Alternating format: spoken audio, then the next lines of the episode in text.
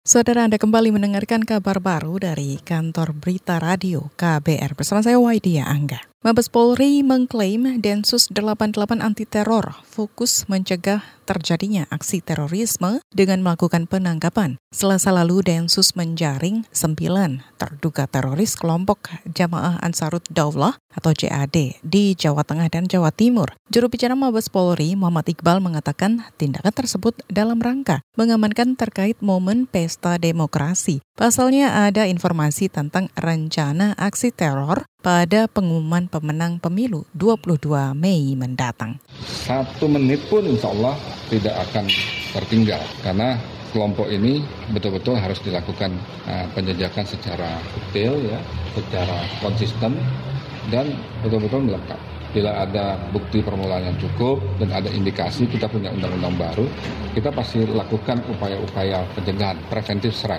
Juru bicara Mabes Polri Muhammad Iqbal menambahkan, terduga teroris kelompok JAD itu menyasar siapa pun yang tak sepaham dengan mereka. Namun secara khusus mereka mengincar kepolisian sebagai simbol sistem demokrasi.